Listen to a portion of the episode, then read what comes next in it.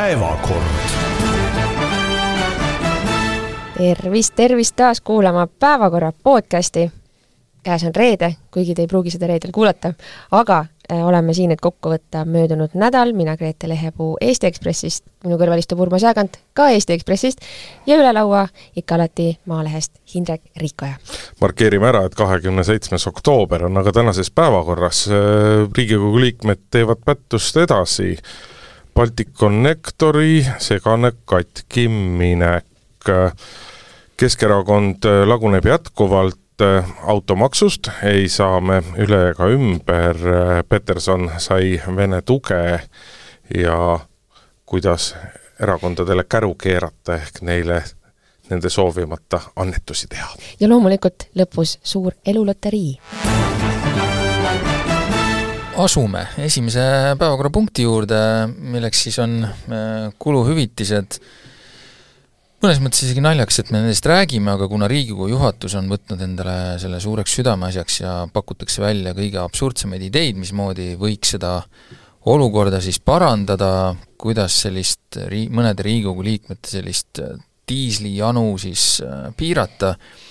ja siis leiutatakse igasugu asju ja muudkui tegeletakse. No,. miks see diisel sulle nii hinge on jäänud? No,, bensiini see, samamoodi. no,? bensiini seal ka võeti, aga nagu vähem, paistab, et diisel on ikka niisugune minevam kaup, äh, jätkub vist teist kauem ja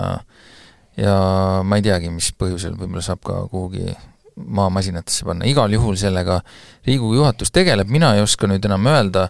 kas see on mõistlik, äh, sellepärast et kui ma vaatan, kui palju sinna kulutatakse sellist aega ja auru,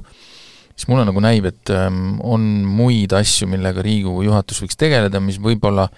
oleksid ka gramm või paar nagu olulisemad, et, äh, et Riigikogu äh, töötaks hästi, et Riigikogu oleks ähm, valitsusele noh, okei okay,, ma võiksin isegi öelda parem tööandja, aga ma ütlen parem partner, sellepärast et et äh, seadusi noh, sisuliselt meil annab juba ikkagi nagu valitsus, aga, aga on ka Riigikogul asju, mida saab teha, näiteks pidada paremat järelevalvet valitsuse üle ja nii edasi, kõike seda saaks arutada, rääkimata sellest, et meil on endiselt lahendamata see istungite takistamise küsimus, mis kevadel äh, oli suur probleem, suvi otsa midagi tehti, aga valmis midagi ei tehtud, nüüd on käraajad olnud, äh, midagi pole muutunud, EKRE jätkab nii nagu varem ja siin me siis nüüd istume ja arutame, kas mitu liitrit äh, tohiks ööpäevas Riigikogu saadik võtta ja kas peaks ära piirama ka kütuseliigi? ma saan aru, et sina ähm,, sul on tunne, et mitte midagi ei peaks muutma, et las olla asi nii, nagu on, et mi-, mis me ikka arutame siin? kaks varianti, kas jätta nii, nagu on ja tegeleda asjalike asjadega või muuta ära korralikult ja teha nii, nagu on, nagu ma siin ka varem olen rääkinud nii mitu korda, nii nagu on see asi valitsusel, et panna lihtsalt palgale otsa see kulut-, hüvitiste osa, teha see raha saadikute omaks ja iseenda tagant ilmselt keegi varastama ei hakka, mis tähendab, et võib-olla ei teki nii suurt huvi osta sõbrale sadade liitrite kaupa kütust, äkki läheb endal tarvis või jääb rohkem raha taskusse, kui seda üldse ei osta. ja praegu see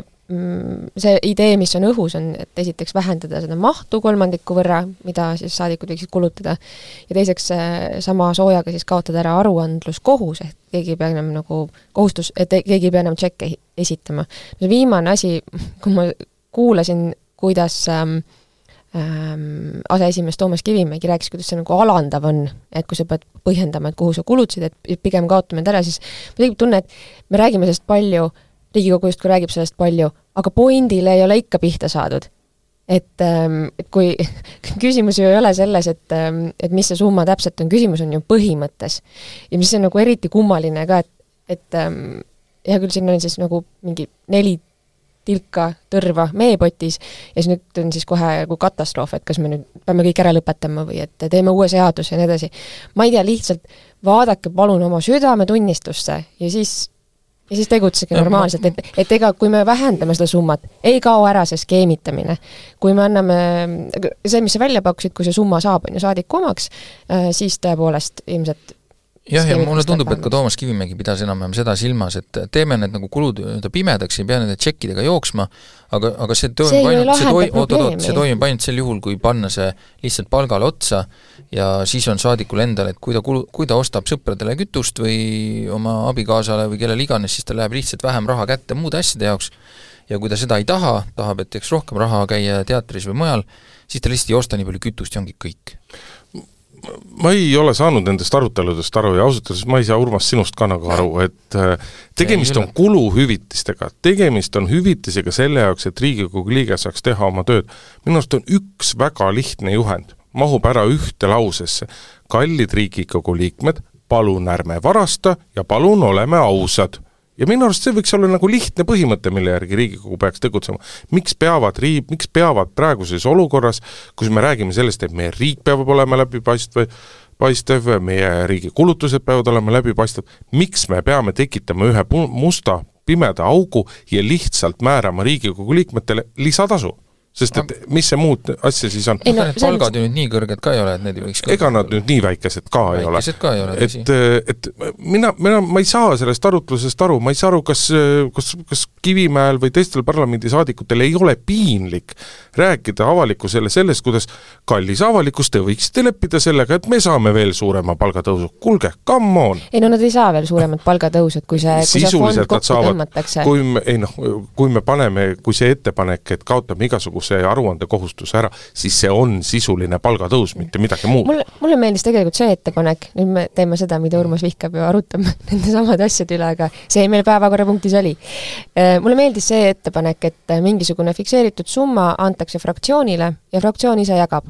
ähm, ta teab kõige täpsemalt, kes kus käib, kes kus, kui kaugel elab, kui palju on vaja kütuse peale või no ei hakka seal peale. keegi omadele mingisugust tegema, et sina ei saa, sina saad, sellist asja ei no aga siis nad, siis on see summa mm, nende vastutada ja selles mõttes aruandluskohustus ikkagi peaks jääma, see on selles suhtes ma olen nõus, et muidugi on Riigikogu liikme tööga kaasnevad kulud, minu tööga kaasnevad ka kulud, äh, päris mitmeid neist ei maksa kinni tööandja, maksan ise. ja isegi kui ta maksab kinni, siis maksab tööandja selle eest prisket erisoodustusmaksu, mida mm. parlamendisaadikute puhul ei ole et äh, selles mõttes minu jaoks on see tõesti selline vaidlus, millel, kui me, kui me mõtleme, mis nüüd sellest asjast nagu edasi saab, mina arvan, et sellest ei saa edasi mitte midagi. natukene muudetakse, võib-olla tuleb tõesti äh,, Lauri Hussar saab äh, ennast seal mööda treppe fraktsioonide vahel nagu selja märjaks joosta ja siis lepitakse kokku mingisugune marginaalne muudatus ja mille, mille kohta juba selleks samaks õhtuks on mõnedel saadikutel välja mõeldud skeemid, kuidas sealt nagu maksimaalselt kätte saab, mida vaja on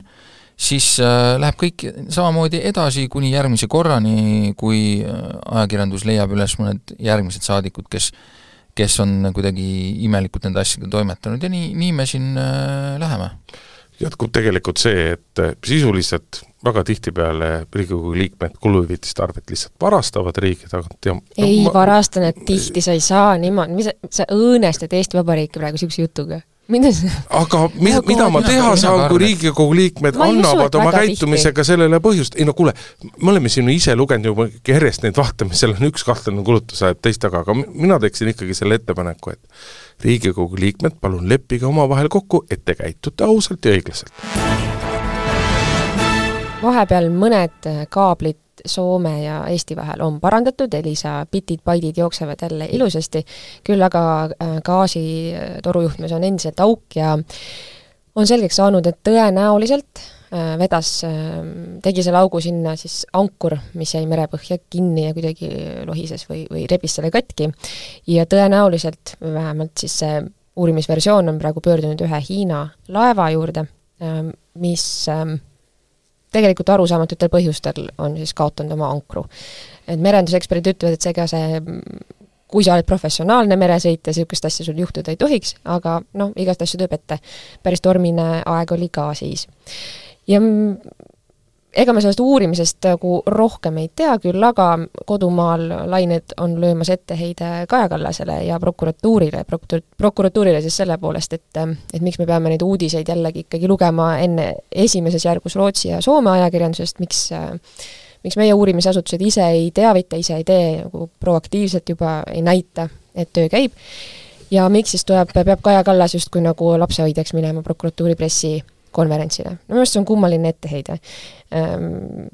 Kaja Kallas saabki vastata teistsugustele küsimustele kui prokuratuur ja minu meelest väga kuluefektiivne, teeme ühe pressikonverentsi, kus äh, ühelt poolt saab rääkida poliitilistest asjadest ja teiselt poolt saab rääkida uurimisasjadest ja selles mõttes on ka lahendatud ju etteheide sellele, et infot ei liigu. Urmas vaatas sulle vist sama jahmunud näoga otsa praegu kui mina, et no palun no, andke tulla. see on täiesti arusaamatu, see on täiesti arusaamatu, kuidas Kaja Kallas läheb prokuratuuri pressikonverentsile. see oli nagu sama, ühiskonverents, jah? ei, see oleks sama arusaamatu, kui prokuratuur läheks Kaja Kallase, Kaja Kallase pressikonverentsile. prokuratuuri tegevus peab olema nii sisuliselt kui ka näiliselt kui igatpidi lahus valitsuse tegevusest. ja vabandust, see on täiesti arusaamatu. see asi mitte ainult ei pea olema nii, vaid see peab ka näima okay. nii. aga olen... kui Kaja Kallas okay. läheb prokuratuuri pressikonverentsile, siis see ei näi nii. ja see on täiesti vastuvõetamatu. aga kui selle olen, oleks olen... korraldanud Riigikantselei või ma ei tea, mingi muu nagu neutraalne asjapulk kuskil neutraalsel pinnal, kas siis oleks mure lahendatud või? ei, ei, need asjad peavad olema kohtu ja prokuratuuri kohus ja prokuratuur ei saa ka pidada ühist pressikonverentsi, kui seda korraldab Riigikantselei või presidendi kantselei. ei saa, ei tohi, kõik, punkt, nii on. ja ma olen ka põhimõtteliselt nõus, ma saan sellest põhimõttest aru, et tõesti, et äh, kuna ajakirjanikud on juba kohale tulnud, kindlasti on neil nagu laiemaid küsimusi, mis puudutavad seal nagu Hiinat ja mingeid rahvusvahelisi suhteid ja nii edasi, et noh, siis kõlab nagu mõistlikult tõesti, et noh, võiks juba olla, mina oleks siis noh, pigem oleks eelistanud, ma ei tea, siseminister, välisminister, aga et on peaminister ja minu meelest, kui ma seda vaatasin, äh, seda pressikonverentsi, siis Kaja Kallas vastas ikka päris, proovis vastata päris paljudele küsimustele, mis puudutasid ikka väga konkreetset pooleliolevat uurimist. et äh, selles mõttes see natuke see paistis kõik ikka väga pentsik välja. see nägi natuke välja, et oli trügitud sinna äh, kohale, et sel teemal nagu olla nagu pildis. et ähm, jah, on ka varem muidugi antakse koos pressikonverents ja tõesti, kui sa küsisid, Grete, et kas mingil neutraalsel pinnal ta oleks olnud tõesti parem. et, et näiteks on, ma ei tea, äh, peaministri ja prokuratuuri ühine pressikonverents, võetakse mingisugune selline koht, on ju, kus siis, äh, kus siis ma ei tea, uurimist puudutavatele küsimustele siis vastab äh, prokuratuur näiteks. aga tavaliselt on ju nii olnud, et üldiselt meil üldse valitsus ei kommenteerib käimasolevaid uurimisi, ma tuletan meelde, see nagu kriminaaluurimisega ja kui, ja kui ei ole vist veel ju? minu teada ikka on, ikka on, ikka on loomulikult kriminaaluurimine ja, ja see on see et äh, tava, tavaliselt nagu ei ole kombeks kommenteerida, aga noh, tegelikult ikka kommenteeritakse, aga see on siis tavaliselt nii-öelda äh, ajakirjanike küsimise peale ja enamasti siis kas valitsuse pressikonverentsil või kuskil intervjuude sees, et tõepoolest minu jaoks on just see koht nagu küsim-, küsimus, et et mis on siis nagu äh, Äh, peaministri osa selles, äh, selles uurimises, äh, noh, me teame, et seda ei, see ei ole, seda ei ole seal ja seda ka ei tohi olla, aga see ei tohiks aga kas me paista. teame pärast sellist asja, et ei ole? noh, tegelikult me teame, et ma ei usu, et seal nagu mingisugust niisugust asja on, mulle lihtsalt tundub, et seda võimalust nagu kasutati oota, täpsustage nüüd ka ära, mis on see, see asi, mida te kahtlustate, kas on või ei ole? kas äh, et kas, kas valitsus sekkub prokuratuuri töösse? jah, peaminister vastas sisulistele uurimist puudutavatele küsimustele. Peaminister, peaministril ei tohiks olla sisuliselt mitte mingisugust informatsiooni, ainult väga üldsõnaline informatsioon selle kohta, kuidas uurimine läheb, mis see käik on, kui kaugele ollakse jõutud ja, ja, ja nii edasi ja nii edasi. mida ma tavaliselt teen, ütlen, aga teisest küljest, on ju, me peame ütlema, et see on, tegelikult on natukene erakordne juhtum ka, et see, et, et see ei ole nagu päris tavaline, see puudutab mitut riiki ja mis tähendab kohe nagu välissuhtlust, jah muidugi prokuratuur ilmselt ka mingites teistes juhtumites peab suhtlema oma väliskolleegidega, aga aga see on nii kõrgel tasandil juhtum, see on, see puudutab NATO-t väga, väga tõsiselt, sellest, selle uurimise tulemustest sõltub väga palju. Ja siinkohal ongi just see, et mis, miks oleks eriti oluline, et see ka nagu tõesti paistaks, et on tehtud nagu täiesti sõltumatu uurimine, kriminaaluurimine olekski nagu hea, kui need asjad oleksid natuke rohkem lahus, ma arvan, et peaminister Pro leiab need viisid, kuidas kuidas kommenteerida seda välissuhtlust ja kuidas sujub koostöö teiste riikidega, mille puhul vastus on enamasti, et nagu superhea, kõik liigub, info siuh-säuh, on ju, et äh, kirjatuvid lendavad äh, edasi-tagasi, kõik on nagu hästi, et seda saab nagu öelda ka nagu mujal, et, et kui, kui on juba võetud see suund, et ei kommenteerita, et asi on kriminaaluurimine ja meil ei ole lihtsalt mingi juhtum, Äh, siis võiks see niipidi olla. teised riigid, kes on sellega nüüd seotud, Soome, nendel on ka olnud muidugi ühiseid selliseid pressikonverentse minu arust, kus mis on, mis on nagu pigem jätnud sellise mulje, et see on nagu poliitikute koost-, no kokku kutsutud, eks ole, üritus, kus siis on juures ka prokuratuur. või prokuratuuri esindajad, peamiselt räägivad siis nagu poliitikud ja siis äh, seal uurijad nagu noogutavad kaasa või lisavad, et nad ei saa siin oluliselt praegu täpsustada. Küsimus on ju julgeolekus, et see on see, mis on need panused väga kõrgele ajanud või mis nagu paneb ka vastutuse valitsusele anda anda vastuseid, Indrek näitab, et ma ei tohi rohkem rääkida, aga ma viskan õhku selle asja, mida võib-olla jälgida või mis, mis on nüüd asi, mis pinget hoiab edasi, on koostöö Hiinaga. minul, kui ma nägin uuris, uudist, et Eesti-Soome teevad nüüd Hiinaga nagu riiklikel tasanditel koostööd või et Hiina on öelnud, et jaa, me püüame ikkagi aidata teid lahendada, mulle kangesti tuli meelde linn nimega Wuhan ja viirus nimega koroona. no ei ole Hiinast olnud suurt abi, et ähm, aga näis, võib-olla nad tõesti siiralt tahavad meid aidata, aga alati, kui, kui on nagu koostöö Hiinaga, siis taas me jõuame sinna poliitilisse sfääri see, tagasi. see on see üks asi, mille puhul on, on inimestel tuleb aru saada, mis asi on diplomaatia, et diplomaatia on see, kus sul tuleb suhelda ka inimestega, kes sulle üldse ei meeldi. no teoreetiliselt on ju võimalik, et äh, laevameeskond oli, kuidas ilusasti öelda, oli väga joviaalses ja lõbusas meeleolus, nagu see merel vahel ikka juhtub. Ja oli hooletu ja tõesti lihtsalt juhtuski, juhtuski õnnetus, no tuleb selliseid asju ka paraku ette. Läheme edasi nagu lubatud Keskerakonnaga, järjekordne noh, võib vist öelda, et endine tippkeskerakondlane ehk siis Taavi Aas, Tallinna linnapea, majandusminister, parlamendisaadik on teatanud, et tema lahkub Keskerakonna ridadest, sellepärast et uus juht on küll juba kaugelt üle kuu, varsti hakkab kaks kuud vist saama või? ei, ma liialdan ikka kuu natuke um, peale. umbes nii, jah. on ametis olnud ja mitte midagi ei ole juhtunud, uut visiooni ei paista kuskilt, reiting ainult kukub ja Taavi Aasale sellest aitab, Taavi Aas küll siiamaani ei ole veel teatanud, et ta Isamaasse läheb, aga aga lihtsalt remargi korras, et vahepeal on Isamaa siiski ühe uue liikme saanud, et mitte ainult Keskerakond ei toida, vaid EKRE ka, et Argo Luude, tuntud prügiärimees, kes siin mõni aeg tagasi astus EKRE-st välja, teatas sellel nädalal, et ta liitub, liitub Isamaaga. mis sa räägid, et mitte midagi ei toimu? Pronksi tänav avati suure peoga Tallinna linnas me rääkisime Keskerakonnast, mitte Tallinnast no,. need on eri, sa ei saa, veel ei, jätkuvalt siiski ei saa võrdusmärki tõmmata Tallinna linna ja Keskerakonna vastu. me jääme eriarvamusele. aga noh, mind hämmastab nagu kõige rohkem see, et kui rääkida Keskerakonna inimestega, siis nad tõesti ka omavahelistes vestlustes tunnistavad, et et nagu mitte kuskilt ei ole näha seda, et püütaks äh, püütaks midagi nagu teisiti teha või et mis siis need eesmärgid on, et püütaks kuidagi potentsiaalseid lahkujaid kinni hoida, ollakse isekeskis veendunud, et neid nimesid tuleb veel, kes lähevad, Jüri Ratas küll jõudis selle nädala juba teatada, et tema küll esialgu kuhugile minema ei hakka, aga aga et Kõlvarti juhtimisel tõesti ei ole nagu näha seda ja, ja, ja ka erakonnas öeldakse, et erakonnas sees ei ole, ole näha seda, mis siis on see uus suund, mis siis on see uus programm, mis on see positiivne programm. ja natuke jääb mulje, et kas saab tõesti olla võimalik, et ikkagi nagu äh, erakonna esimehe võitluse võit tuli kuidagi nii ootamatult, et äh, nüüd polegi nagu mingit plaani, mida siis nagu teha, et et just kõige veidram on see, et ei ole pakutud, et oli ju teada, et niisugused asjad juhtuvad, kui, et osad kindlasti inimesed lähevad ära, sest võitlus oli kõva ja niisugune mõned asjades täitsa põhimõttelised eriarvamused, et, et kohe peaks ju olema pakkuda ka mingi nagu positiivne suund, et, et mis siis nagu äh, näitaks, kuidas see hakkab minema, kuhu poole suundutakse, siis mingid inimesed, kes on võib-olla kahe vahepeal, kahe vahel saavad nagu mõelda.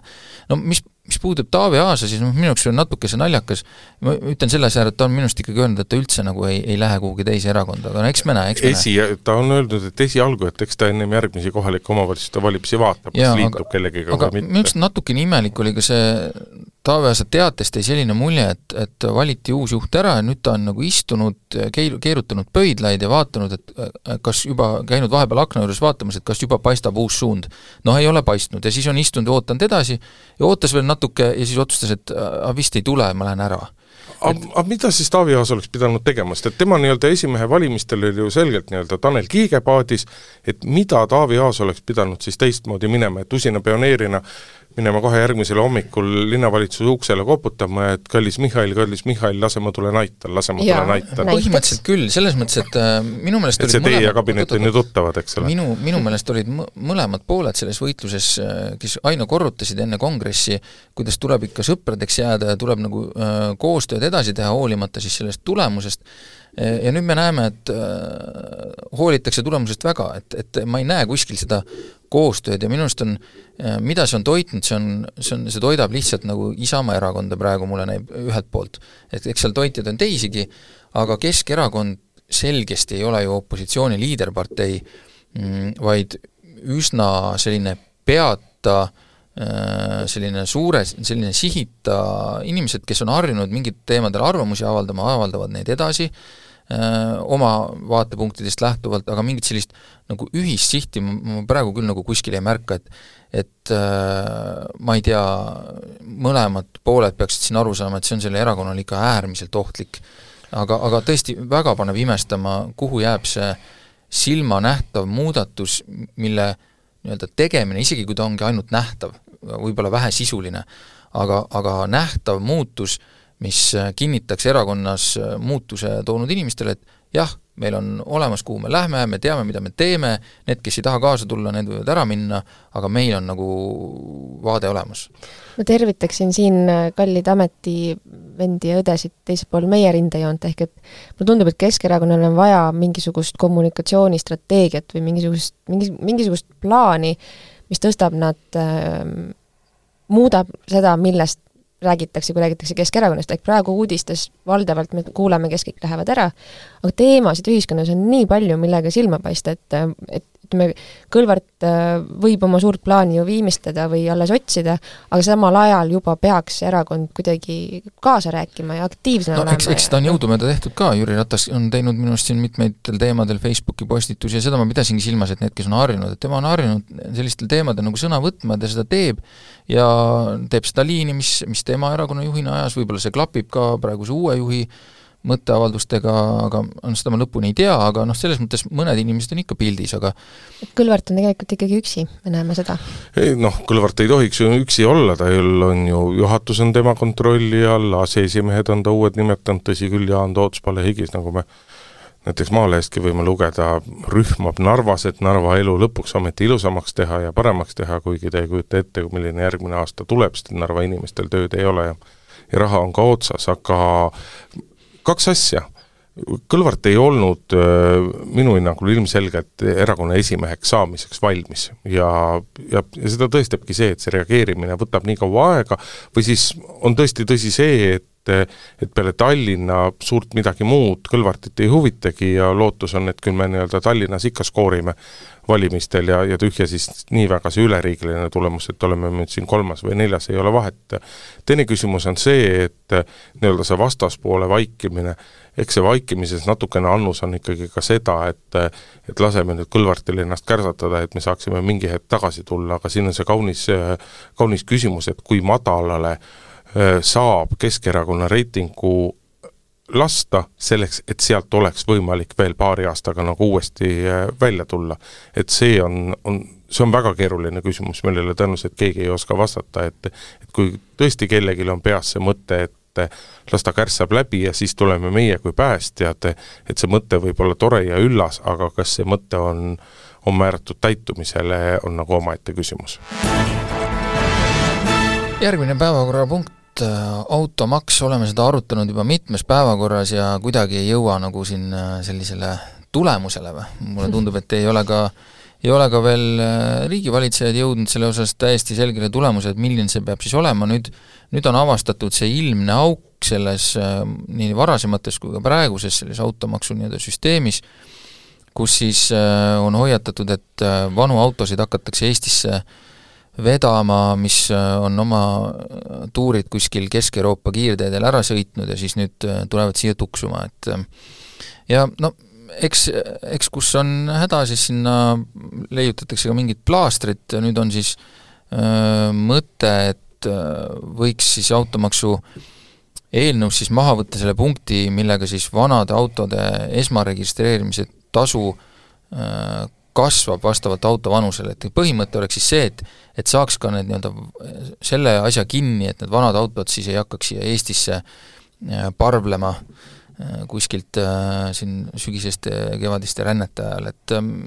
no mina ei tea,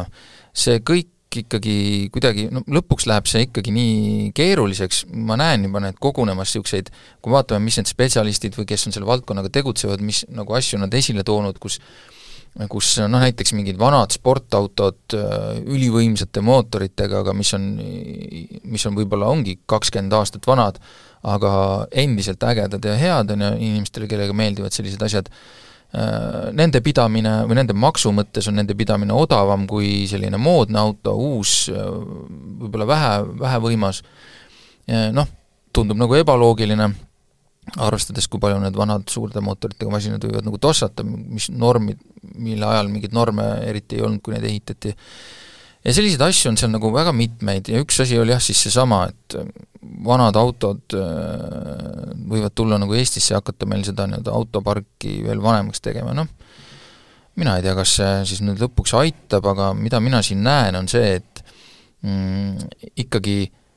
see no ei ole kuidagi, kuidagi midagi on jäänud vahele või on jäänud läbi mõtlemata või on, või lihtsalt need, need, need kõik need väikesed asjad ei mahu sellesse, selle eesmärgi sisse, mis sellel ma-, mis sellel maksul on ja see on see raha kogumine. et äh, kui, kui kuidas ei, kuidas ei mahu see, et see ju potentsiaalselt annaks võimaluse nagu raha rohkem teenida ju? jah, aga või siis mingid muud eesmärgid, keskkonnaeesmärgid, mul lihtsalt jääb nagu natuke segaseks see, et, et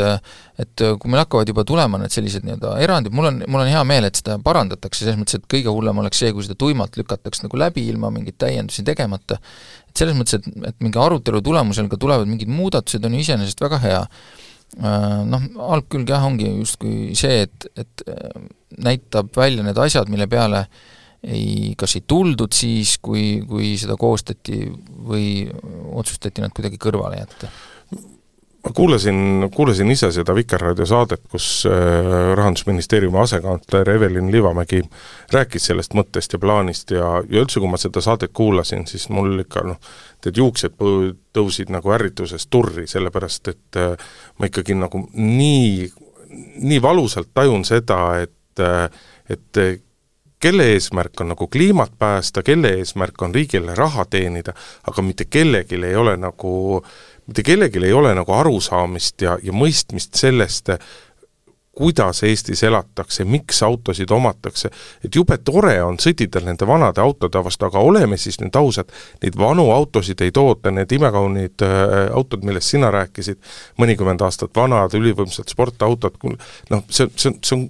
see on, see on köömes, see, on kribu täielik. valdav osa nendest vanematest autodest jõuab Eestisse sellepärast, et Eesti inimestel väga paljudes piirkondades on autot vaja ja need inimesed väga tahaksid endale osta uusi autosid, aga neil ei ole raha selle jaoks ja nad on sunnitud ostma neid vanu vanemaid autosid, leppima sellega, et need on suurema kütusekuluga, aga nende jaoks on oluline see, kui palju peavad nad ostuhetkel selle auto eest välja käima ja kui palju neil on võimalik selle eest maksta. Ja sellepärast tulevad need vanad autod sisse. et te tekitate sellega nagu järjest probleeme, no ma olen rääkinud sellest jaburusest, kuidas me maksustame kõrgelt, eks ole, väikebusse, millele suurel perel ei ole alternatiive, me räägime Eestis rohkem kui paarikümnest tuhandest perest, kus on, kus on kolm või enam last, kes vajavad lihtsalt, nad, neil on hädavajadus suurema auto järgi aga sealt me võtame jälle rohkem. et, äh, et need kliimaeesmärgid ja kõik on nagu toredad asjad küll, aga kuulge, kallid sõbrad, see riik peaks oma inimeste heaks töö, töötama ja tegutsema. ma olen nõus, Urmas siin ka ühes vestluses me rääkisime, ütlesid, et sulle ainult meeldiks, kui lõpeks see, lõpeks see nii-öelda linnamaasturite ralli Eestis ära ja ma olen täitsa nõus, mulle ka meeldiks, sest et äh, minu jaoks on alati see jäänud arusaamatult, et miks inimesed ostavad endale neid niinimetatud maastureid, mis tegelikult maasturid ei ole, maksavad rohkem kui tavalised sõiduautod, et ma tegelikult ei saa aru, miks inimesed nendega sõidavad, aga see selleks. aga seal on nagu noh, nii palju nii palju seda eluvõõrast ja, ja, ja nii palju jaburat sees ja nüüd ma kuulen, et selliseid asju tahetakse veel juurde teha. miks, miks, miks? ma ei tea, kus siin nagu keerukus on, et äh, kui vaadata, ma ei tea, mootori mahtu või ikkagi seda saastamise taset, siis sealt nagu see maksu eri, noh, maks kust kohast kasvada. võtab Kapa-Kohila inimene, Kapa-Kohila inimene, kes töötab seal võib-olla palgaga nii-öelda noh, ütleme tuhat eurot kuus, abikaasa on võib-olla õpetaja, saab teema, õpetaja kohalikus öö, elus kõrgepalgaline inimene, eks ole. ta ei pea ostma ju nagu et kust ta võtab, kust ta võtab kümneid tuhandeid eurosid, et osta uut autot või kust ta võtab kümme või viisteist tuhat auto, eurot, et osta teise ringi auto, tal ei ole seda võimalik, ta peabki selle kahe-kolme tuhandese auto ostma, mis talle Saksamaalt tuuakse ja nüüd me tahame Nii, sellele mootori võimsus on sellel autol, mis ta kahe tuhandega saab Saksamaalt? ei no mis vahet seal on? seal ongi see vahe, et kui sul on nagu äh, niisugune su-, suurem ja rööpavam auto, siis sealt sa maksad lihtsalt rohkem. jah, aga need vanad autod isegi aga vanad autod ongi suurema mootorivõimsusega, sellepärast et need väiksed mootorid, asjad, see on uuema aja rõõmud, aga need autod on selle võrra tunduvalt kallimad mm. -hmm. et kus, noh, kust need inimesed peavad võtma selle raha ja aga nüüd äkki, siis kärutame veel paar tuhat. teise ringi turult siis? ei no aga et miks sa pead mujalt tooma selle sisse, et oh, ma ei tea. Noh, seda, eks seda, kas see nagu proovib võib-olla suruda jah, et me siin, me siin nagu Eesti riigi sees siis nagu vahetaksime neid autosid omavahel ja siis need kuluvad lõpuks nagu lõpuni, äh, mis, mis võiks siis nagu tuua, selles mõttes anda säästu, et need ei, need kasutatakse tõesti ära ja, ja ei tooda nagu juurde, et selles mõttes, et ei, autopargi nagu hulk ei suurene nii palju, aga ma sellest probleemist muidugi täiesti saan aru, et et ähm, mi-, mis on meie see häda, lihtsalt ei ole tõesti võib-olla veel äh, nii rikkad, et seda kõike endale nagu lubada. no just nimelt, me ei ole rikkad ja peame... tuleb, oota, ma nii palju segan vahele, et tuleme selle esimese teema juurde tagasi, et et riik võtab nagu järjest ära, eks ole, võtab ära, võtab ära lastetoetused, tulumaksud, automaksud, asjad, ja siis me arutame sellest, et me paneme Riigikogule, lihtsalt paneme juurde priske summa, eks ole, kakskümmend protsenti, kolmkümmend protsenti esindustasu, paneme lihtsalt palgale otsa, ei küsi mingit kuluhüvitist ega midagi. sa jätad mainimata, et sealt kaob, Riigikogul kaob ikkagi ära see kuluhüvitiste rida vähe, ja nagu üldised kulud vähenevad, sa jätad see komamannuga, hea küll, no see on autot, suht-, see on suhteliselt, eks ole, väike summa, mis praegusel hetkel viiskümmend tuhat vähemalt, mõtle, mitu autot selle eest saaks osta. jah, no tegelikult on ju küsimus ka selles, et ega kui me vaatame, mis on see üldine saastamine, et kas, kas see nii-öelda autod on nüüd see nagu põhiline koht, kus meil saastamine tuleb, ma arvan, et meil on palju suuremaid äh, saastamisobjekte, see on lihtsalt selline asi, mida kõik näevad ja mis on ka tegelikult, no ta on tüütu, tüütu ka ja nii edasi, aga võib-olla äh, noh, mingi alguse, ma arvan, me selle automaksuga võiksime teha, kas ta peab olema nii suur või mitte, äh, eks loodetavasti selle me siis vaidleme sinna õigesse kohta paika lõpuks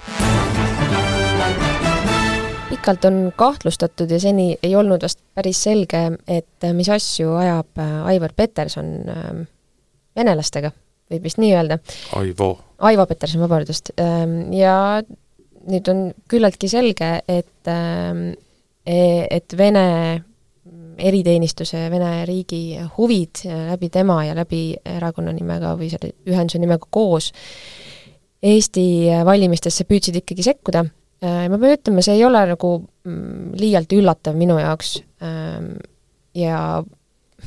mitte sellepärast, et noh, et sealt mingid, mingid tema jutust või tema käikudest sinna Donetskisse kuidagi mm, see kõik välja paistis, vaid noh, pigem üldiselt, et see, selles mõttes see ei ole üllatav, et äh, Venemaa püüab ähm, solkida nagu poliitilist turgu Euroopas, tekitada segadust, äh, leida enda inimesi, kes äh, vajalikul hetkel teeks igasuguseid meeleavaldusi ja lööks muidu infovahtu ühiskonda.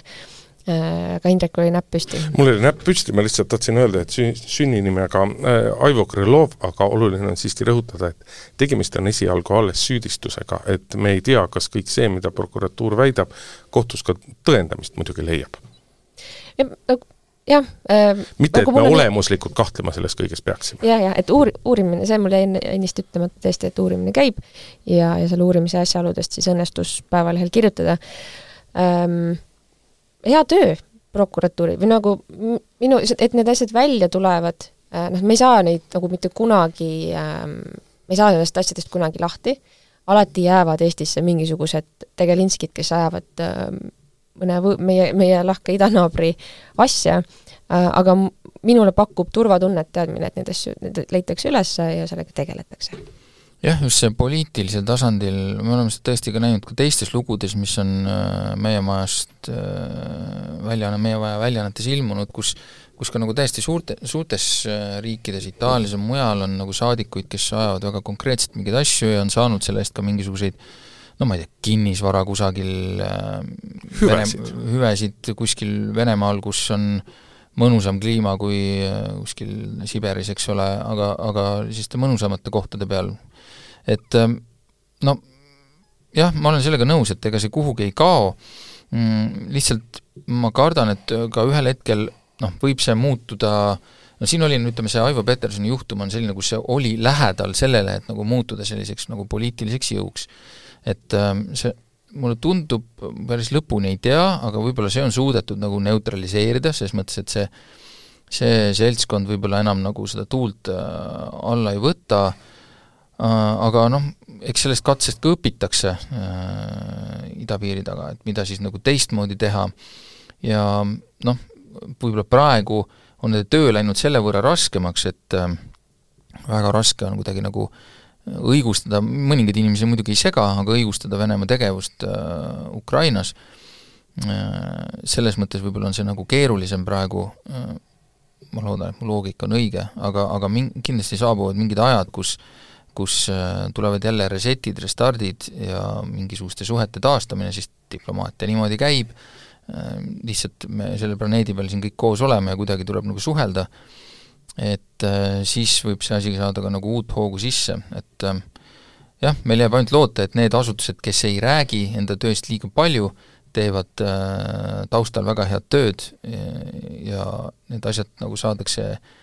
jaole neile, enne kui, kui midagi tõsist juhtub. üks sektor muidugi, kus äh, nagu see mure jääb või, või mida on ka väga keeruline kuidagi piirata, on sotsiaalmeedia ja kuidas äh, Peterson endale mõju kasvatas, oligi läbi kontode, leidis endale sealt jälgijaid, ähm, seda on ka varem nähtud, või noh näiteks kuulsa Prigožini trollivabrikud on püüdnud Eestis äh, ja ongi teinud igasuguseid selliseid poliitilise, poliitilisi meeme, mis tihtipeale panevadki muigama ja mida inimesed siis jagavad. Ehk siis ähm, aga samas nagu piirata mingil moel, ma ei tea, internetti või sotsiaalmeediat, ähm, see ei oleks ka õige vabas ühiskonnas, nii et aga seal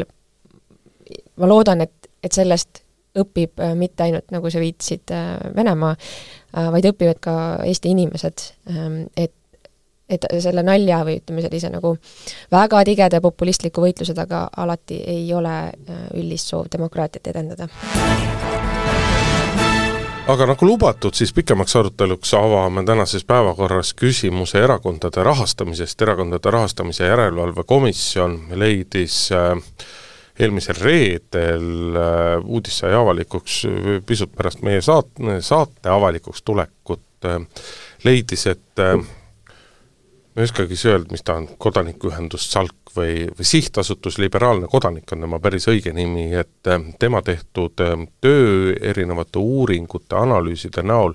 mille tulemusi siis enne valimisi rohkem kui aasta jooksul e-, erinevatele erakondadele tutvustati ja mille eest SALK raha ei küsinud erakondade käest, erakondad ei tellinud ka ise seda, aga noh, SALK tuli, pakkus, rääkis, tutvustas oma, oma noh, oma arusaamist, oma maailmavaadet, oma analüüside tulemusi ja nüüd siis Erakondade Rahastamise Järelevalve Komisjon leidis, et tegemist on keelatud annetusega, välja tuleb arvutada Salga tehtud või osutatud teenuse hind ja see tuleb siis erakondadelt äh, sisse nõuda. erakondade reaktsioon on olnud äh, mõistetavalt väga, ma võiks öelda isegi kuri nende seisukohalt nemad ei ole tellinud ja nemad ei ole oma poliitikat ainult Salga andmete põhjal nii-öelda nagu kujundanud, sest et nad ei ole enda hinnangul kasu saanud, ka Salk ise küsib, et, et punkt üks, kuidas te arvutate seda hinda välja ja kuhu me siis jõuame, et tegelikult ERJK otsus tähendab lihtsustatult lahti seletatult seda, et kui mina teen Urmast intervjueerides ühe uuringu, ja Grete otsustab selle minu käest ametlikult kümne tuhande euroga ära osta, siis kui ma läheksin nüüd kõigi kuue parlamendierakonna juurde ja tutvustaks ühel koosolekul, ütleks, et ma tuleks teile koosolekule, mul on üks tohutult põnev uuring, et olge hää, kuulake ära, siis seda võib kõike nagu käsitleda kui, kui, kui neile annetuse tegemist, sest et ma saan kusjuures veel ette näidata, et sellel asjal on hind, et näed, Grete oli sellise hinnaga nõus selle asja ära ostma. aga ehk ühesõnaga, see otsus tegelikult avab tee absurdile. No natuke avab, siin on lai küsimus on siin tegelikult see, et äh, me oleme jõudnud nüüd sinna, kus vaadake, senimaani on varem olnud, eks ole, teenused on olnud mingid asjad, reklaamikampaania korraldamine, eks ole, mingid, mingid sellised asjad, nüüd me oleme kuidagi kuskil sealmaal, kus, kus informatsioonil on, tuleb nagu panna mingi hind külge, ma selles mõttes võib-olla natuke saan erakondade rahastamise järelevalve komisjonist aru, et äh, praegu, mulle tundub, et meie praegune selline noh, seadusruum ja kõik see tegelikult ei lubagi neil teha väga muud otsust, selles mõttes, et äh, kui teenus on olnud, on ju, see asi näib, mahub nagu teenuse alla, siis võib-olla neil ei olegi nagu no, väga ümberpääsu sellest, ma ei ole selles nii täpselt kindel, aga ma kardan, et see et kui, et kui noh, tavaloogikast lähtudes tundub see naljakas, siis võib, võib-olla tõesti, et juriidiliselt on võimalik seda niimoodi käsitleda ja kui, kui see süsteem meil selline on, ehk ei ole kaasaegne, siis me sellisesse olukorda võimegi sattuda. Et äh, muidugi tundub see nagu veider ja noh, me võime, siin on kõik toonud ka aina absurdsemaid näiteid, mismoodi, mille eest siis tuleks hakata kõige eest nagu raha küsima, et äh, eks, eks see tõenäoliselt, see asi nagu kohtusse jõuab, kus seda vaieldakse siis, ja noh, mul praegu ei ole väga suurt usku, et see nagu pidama jääb, aga võib-olla tuleb siis ikkagi kuskil midagi nagu muuta, et äh, et kuidas me selle nii-öelda informatsiooni hinnastamisega siis nagu teeme, et et äh, kui keegi, kui keegi teeb nagu sellise mõttekojana äh, kuskil nagu kellelegi tööd, et äh, ilma, ilma et seda tellitakse, et sest et noh, siin on probleem, mitte probleem, vaid asjaolu on lihtsalt selles, et et äh, SALK ühinguna, eks ole, nagu tahtis, et mingisugused erakonnad, erakondadel läheks valimistel paremini kui mingitel teistel ja nad tahtsid seda nagu ise noh, erakonnad ise ka loomulikult tahtsid, et neil läheks hästi, aga nad nagu ei tellinud salgalt, et tehke meie, tehke meie valimistulemuse heaks nagu tööd. et ähm, selline tagurpidine olukord ja noh, see saab kindlasti olema väga huvitav vaidlus ja mind, minu jaoks on nagu põnev, kuhu see nagu välja jõuab, et äh, kas me, kas me nagu lõpuks siis hakkame mingisuguseid seaduseid muutma, kas me peame ikkagi kuidagi ajakohastama seda, kuidas meil, mida erakonnad nagu tohivad ja mida ei tohi või mida erakondade ümber olevad organisatsioonid tohivad, ei tohi, mujal maailmas on üsna tavaline, et erakondade või vähemalt maa, või siis laiemalt maailmavaadete ümber tiirutavad ka sellised äh, asutused, mis siis tegelevadki uuringute ja mingisuguste küsitluste, fookusgruppide, ideede sõnastamise ja muu sellisega, et hin-, informatsioonile hinnasilti külge panna on minu arvates küll vastupidi nagu kõige lihtsam, et seda äh, et seda nii-öelda Salga teenuse hinda saab ju selles mõttes määrata, et mida siis Salk tegi, ta tellis uuringut ja tegi ise uuringuid ja ta tutvustas selle tulemusi. et seda teevad, erakonnad tellivad ise kogu aeg, ettevõtted tellivad, meil on hulk nii suuremaid kui väiksemaid ettevõtteid, et selles mõttes sellise uuringu tegemise hinda ja kõike seda no, on väga lihtne no, kokku leida, minu jaoks on küsimus selles tahtluses, et kas ja, ja tellimises või mittetellimises, et noh, absurdseid näiteid, ma ühe absurdse näite tõin, aga teine absurd, noh, võib ju tuua ka näite, et kui sa, alati on, kui tulevad valimised, siis igal erakonnal on nii-öelda programmi koostamine ja ja on üks nii-öelda põhimine inimene, kes vastutab selle programmi valmimise eest. et kui me nüüd saadame talle mingisuguse uuringu ja ta klikkab selle lahti, järelikult ta tõenäoliselt loeb seda, et siis praeguse loogika järgi me võime kohe automaatselt nüüd arvata, et ta on nagu teenust kasutanud no, või ta on ma, siis ma teenust ikkagi, saanud ma ikkagi või? arvan, see on natuke teise koha peal on see point, siin on point on see, et ikkagi jagati nagu ka personaalseid soovitusi ühele teisele erakonnale, mida, mida, mida teie erakond A konkreetselt võiksite või pea, peaksite meie arvates tegema, mida teie erakond B konkreetselt võiksite, peaksite tegema, et see on neile, neile kahtlemata kasulik, kas nad seda kasutavad või mitte. aga mulle, mulle nagu meenub sellega nagu need naljad, kus on palju anekdoote selle kohta, kuidas näiteks ma ei tea, arstilt proovitakse kuidagi tasuta nõu välja kaubelda või mida, midagi sellist, et mul see meenutab natuke seda, et et ma ei tea, kui kui mul on äh, mingisugune noh, ma ei tea, psühholoog, kelle, kes on mul nagu juhuslikult nagu roh-, keskmisest rohkem tuttav, siis ma kuidagi äh, ääri-veeri, tead, küsin mingeid asju ka, et ei tea, mis mul niisugune mure siin on ja mis sellega võiks nagu teha või noh, et kuidas, kuidas ta ennast siis tunneb, et kas ta nüüd pakub oma professionaalset teenust, mille eest ta küsib muidu raha, või, või mida ta siis ütleb, et tule ikka nagu seansile ja siis anname sulle arve ka siin pärast ja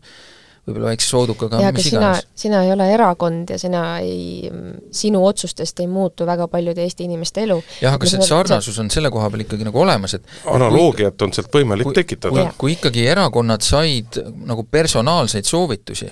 et mida teha või mida mitte teha, siis noh, see ei ole selline nagu enam nagu uuringu tutvustamine, et mm -hmm. uuringuid ikka tutvustatakse minule väga meeldiks, et Eesti siseneks sellesse ajajärku, kus äh, valimiste eel tehaksegi hästi põhjalikke uuringuid ja ongi väga, väga hea data, mille pealt siis koon-, tehakse kas siis oma no esiteks tehakse, on ju, kampaaniasõnumid, aga et saadakse ka aru, mis inimestele tegelikult korda läheb ja mis on ähm, mille, mille eest nagu tasub päriselt väljas olla, sest see tõstab poliitika kvaliteeti kahtlemata aga ma saan aru, et äh, see nagu probleem siin on ka siis selles, on ju, et kui meil hakkavad tegema mingisugused mõttekojad ja ühingud, on ju, et, et nad ei ole enam, lihtsalt ei ole Tarmo Jüristo eraisik, kes kohtub äh, ma ei tea, Gerrit Mäesaluga kuskil baaris ja siis nad arutavad, mis sõnumeid teha, vaid et ta on äh, mingisugune sihtasutus, e, ehk siis juba nagu juriidiline keha ähm,, ja kui neid juriidilisi keha, kehi ähm,, kes hakkavad siis töötama mingi asja nimel, Äh, tekib, nad koguvad ka annetusi, seda tegi ka Salk, äh, nad kogusid, nägid vaeva ja ise korjasid erakondadele annetusi lisaks, et siis tekib see oht, see risk, et et see must raha või noh, niisugune tõesti nagu need nagu päris varjatud annetused, et seda, sinna hakkavad andma raha ka, ma ei tea, ettevõtjad, kellel on mingid väga oma nagu isiklikud huvid, kui nagu ettevõtjad võivad praegu ka, ühesõnaga, ma saan aru, et see, see läbipaistvuse küsimus tekib seal, et, et sealt tekib mingi risk ja siis teine asi minu meelest, mis on ka huvitav, mida tuleks läbi vaielda, et äh, oletame, et ma äh, otsustan järgmistel kohalikel valimistel, et ma tahan teha EKRE-le kampaania, ma tahan, et nad minu kodukohas äh, kindlasti saaksid vallavolikokku ja ma mõtlen välja kümme meemi äh,, mis mustavad oponente ja panen need oma raha eest tiksuma Facebooki, need jõuavad hästi paljude inimesteni. kas ma olen teinud varjatud annetuse EKRE-le või olen ma olnud lihtsalt nagu kodanikuaktivist ja Salk tegi sedasama, et nad ühel hetkel panid kokku videod, äh, kus siis lõigati nagu noh, näidati, et äh, lõigati kokku Mart Helme mingisugused kõige noh, ähm, bravuursemad ütlemised või kõige vihasemad ütlemised ja siis pandi sinna tempel peale, et kui valid EKRE-t, äh, saad Venemaa, noh umbes, on ju. Need olidki päriselt nii robustsed ja need, ja need saadetigi internetti laiali. ja noh, see töötati ju siis nagu, tehti kampaaniat ju Reformierakonnale, Eesti kahesajale, sotsidele aga siin on vahe, et kas mina eraisikuna teen seda või teeb Salk sihtasutusena no vot, me jõuamegi selle kohani, et äh, mida, mille, mida ma enne ütlesin, et mis selle, huvitav, mis selle järelmid saavad olema ja kas meil on äkki on vaja mingit kaasajastamist erakondade rahastamise osas. kindlasti on vaja. et me, meil on ju olnud siiamaani, et juriidiline isik ikkagi nagu annetada ei tohi. et ähm, noh, ma, siin võib see küsimus täitsa kerkida, et kas me, kas siin tuleks hakata midagi nagu muutma et noh, ma ei tea, kuhu me siit võime jõuda, me teame, mis põhjusel see on, eks ole, olnud ära keelatud senimaani, aga ma arvan, et see ei ole ka väga palju takistanud, äh, ütleme, kui mingitel rahakatel inimestel on mingisuguseid poliitikasoove, et ikkagi seda nagu teha, me oleme näinud juhtumeid, kus erakonnad kamba peale tegid mingisuguse asja ja siis mingid ettevõtjad noh, küll oma raha, eks ole, annetasid selle ja ütlesid ka konkreetselt, et selle eest, et tehti mingi asi. nüüd kust need ettevõtjad selle raha, ega see neile ei tulnud, nad ikka teenisid selle oma ettevõtete kaudu. et noh, niimoodi võib ikka nagu täitsa absurdidesti minna ja selle juuksekarva neljaks ja viieks ajada, on ju. no eks see tõde ongi selle koha peal, et tuleb nii va-, üle vaadata see erakondade rahastamise äh, rahastamise regulatsioon, kui tuleb ka üle vaadata seda, et noh, kuidas käituda erinevate annetustega ja seda on hakatud avalik, vähemasti mõne erakonna sees on hakatud juba vaikselt selle peale ka mõtlema, kuidas seda asja tuleks ümber, ümber mõelda, ma olen siin kuulnud äh, ütleme siis nii-öelda valitsuse suhtes mitte nii soojalt meelestatud, et mitte öelda EKRE-meelseid mõningaid inimesi, ka mõnda noh, küll mitte kõige silmapaistvamat, aga siiski ikkagi erakonnaliiget juba rõõmustamast, et oh, vaat kui hea, et näed, tehakse neile liberastidele nüüd ära, et mina soovitaksin sellistel inimestel siiski nagu hobuseid hoida, et kui see tõesti peaks niimoodi minema, et et erakondadel tuleb nüüd hakata salgale mingisugust raha, raha maksma, siis ega see kirves tapab kõiki era-, erakondi, et ega Isamaal on omad kanalid, kes neile teevad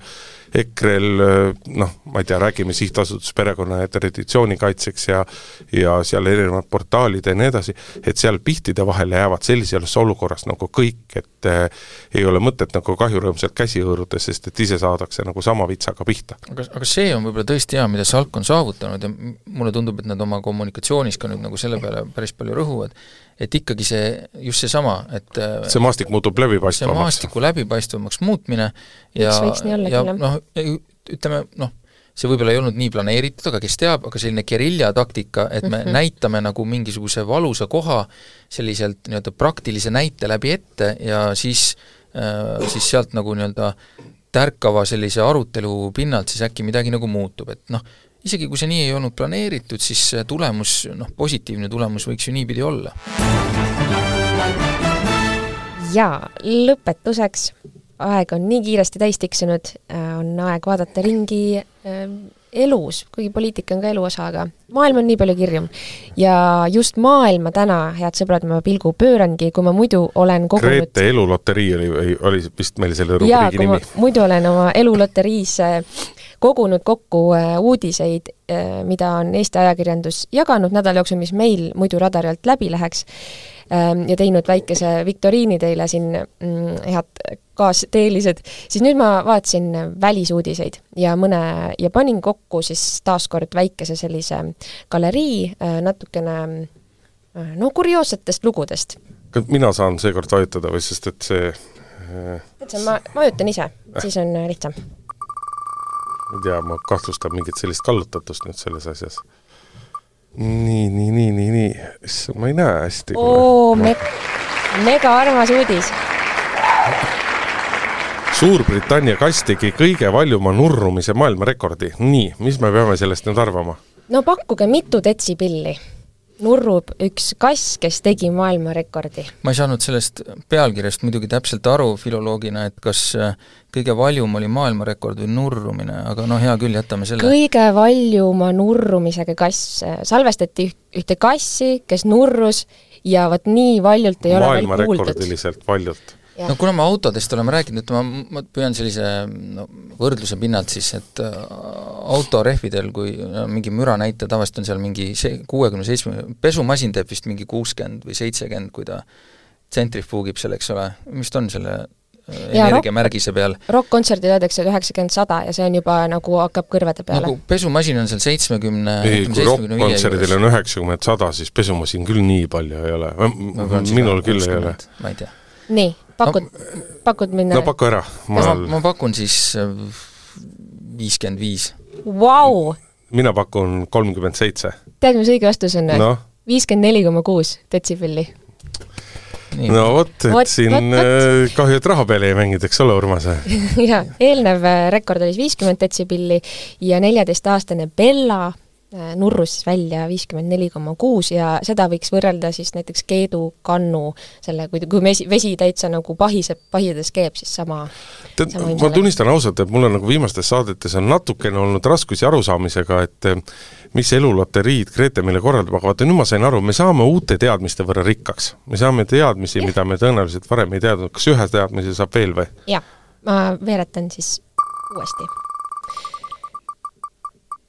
nii, nüüd sa saad ise jälle lugeda oh,. nii, Florida mees,